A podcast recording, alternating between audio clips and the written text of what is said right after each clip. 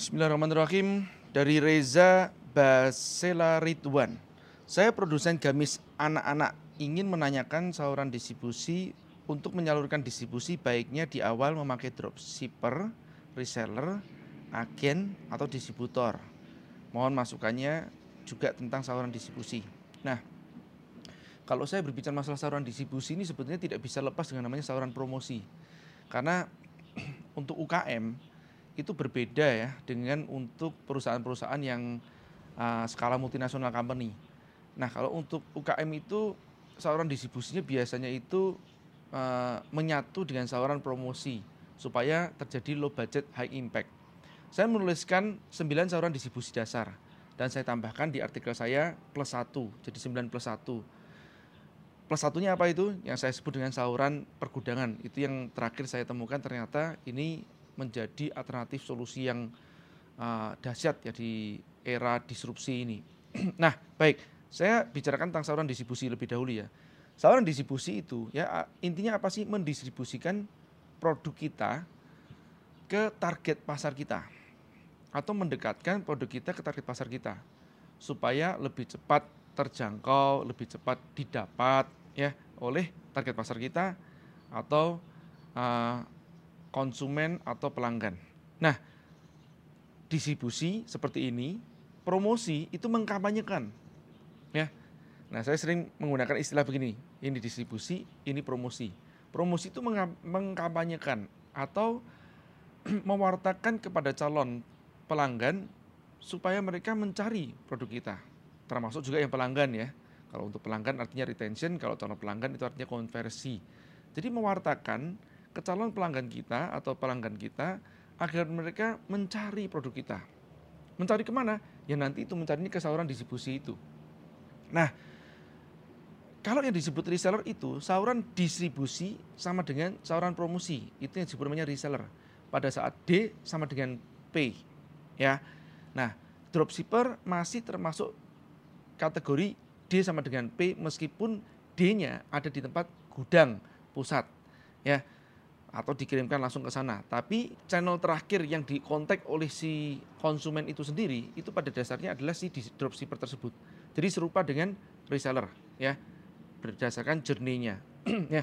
Nah, jadi pada saat kita mendistribusikan juga mempromosikan itulah yang disebut dengan saluran distribusi D sama dengan P ya atau reseller dropship, uh, franchise, multi level marketing, affiliate itu serupa. Ya. Nah, uh, permasalahannya adalah kita harus mengerti dahulu nih siapa target pasar spesifik Anda. Ini yang pertama. Saya bolak-balik sering menanyakan cuma dua hal nih ya. Siapa target pasar spesifik Anda? Yang kedua, mereka biasa berkumpul di mana atau di mana mereka biasa berkumpul. Ya, baik itu sarang semut ataupun jalur semutnya. Nah ini ini bolak-balik uh, saya sebutkan karena ini adalah sesuatu yang sifatnya fundamental. Jika Anda bisa men menjawab dua pertanyaan tersebut, Anda kemungkinan besar bisa menyelesaikan masalah Anda. Ya, jadi tidak bisa langsung langsung jam ke mana dropship, reseller, agen, distributor.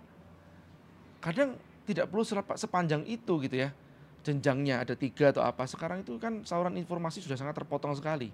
Ya, jadi semakin panjang jenjangnya akan semakin boros. Kenapa? Komisinya.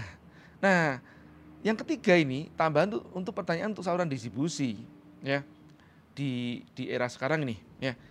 Bagaimana perilaku mereka dalam artian target pasar Anda itu atau konsumen Anda dalam mencari dan mengkonsumsi produk Anda. Oke. Ini kalau tadi misalkan produsen gamis anak-anak. Nah, produsen gamis anak-anak ini biasanya si target pasar Anda ini mendapatkan informasi dari mana?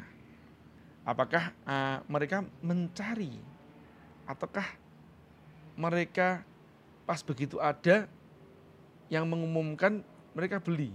Nah, ini untuk saluran informasinya lebih dahulu, ya. Termasuk juga tadi yang saya katakan bisa jadi adalah saluran distribusinya. Oke. Kalau mereka misalkan mencari Nah, biasanya ada di marketplace misalkan, ada di Instagram ya. Sekarang udah jarang banget orang tuh mencari gamis di Google. kecuali daerah-daerah yang kabupaten sifatnya atau orang tuanya di atas 40 tahun. Ini harus kita identifikasi lebih dahulu nih. Kalau makanya jawaban dari suatu pertanyaan ini kadang-kadang bisa lebar banget karena banyak variabel yang harus dipertimbangkan. Nah, kalau di daerah Jawa sudah mulai bergeser nih, Jawanya pun juga bukan daerah kecamatan ya. Yang daerahnya sudah mungkin kabupaten atau kota madya, itu sudah mencarinya udah kebanyakan uh, apalagi orang tuanya usianya ya di bawah 35 tahun. Nah, itu udah kebanyakan mencarinya di sosial media terutama di Instagram. Nah, artinya apa?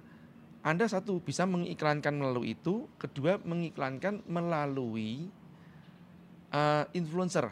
Nah, ini saluran promosinya. Nah, distribusinya bisa jadi tidak melalui reseller agen distributor lagi, tapi bisa jadi melalui saluran distribusi pergudangan. Nah, tinggal gudangnya ditempatkan di mana. Nah, itu itu berdasarkan nanti uh, kecepatan mereka akan mengkonsumsi ya atau uh, psikologi mereka dalam menunggu suatu produk. Misalkan kalau bicara masalah gamis anak-anak ya, itu berbeda dengan uh, keripik pisang. Gamis anak-anak kira-kira mereka kalau dari order sampai menerima barang berapa lama sih mereka mau menunggu? Nah, mereka mau menunggu misalkan dalam waktu durasi maksimum tiga hari.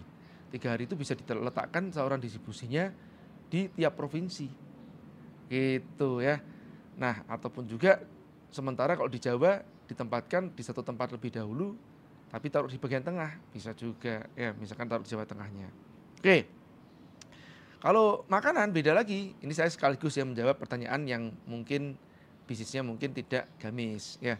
Kalau tingkat konsumsinya makanan seperti snack ya itu kan kalau bisa dikatakan tidak bisa menunggu satu hari the next day nggak bisa. Harus saat itu juga tiga jam atau bahkan mungkin uh, dalam waktu uh, di bawah satu jam atau 10 menit gitu kan. Nah ini seorang distribusinya harus harus lebih uh, lebih mendekat gitu kan. Mungkin bisa jadi di perumahan nah bisa jadi di kelurahan atau bisa jadi mungkin di satu kecamatan ada satu nah tentu aja semakin merata saluran distribusi bisa jadi kosnya adalah semakin mahal untuk mendistribusikan. Nah, kalau kita tahu uh, saluran distribusi yang dipakai oleh perusahaan-perusahaan multinasional company itu menggunakan saluran distribusinya adalah saluran distribusi konvensional. Tapi Anda harus tahu juga mereka menggunakan saluran promosinya adalah mass marketing atau media massa massal. Itu yang membuat perusahaan-perusahaan seperti UKM tidak mampu melakukan hal itu. Apalagi begitu mendistribusikan ke tempat hypermarket ya, itu bayarnya sangat lama sekali, itu bisa empot-empotan ya. Makanya jantungnya dan kantongnya ya. Maka dari itu UKM itu harus bisa mensiasati dengan menggunakan saluran distribusi yang sama dengan saluran promosi yang low budget dan high impact. Oke, detailnya Anda bisa juga tonton di beberapa materi saya, bukanlah Solaris, kemudian revolusi saluran distribusi berdasarkan customer journey. Mudah-mudahan menjawab dan bermanfaat. Terima kasih.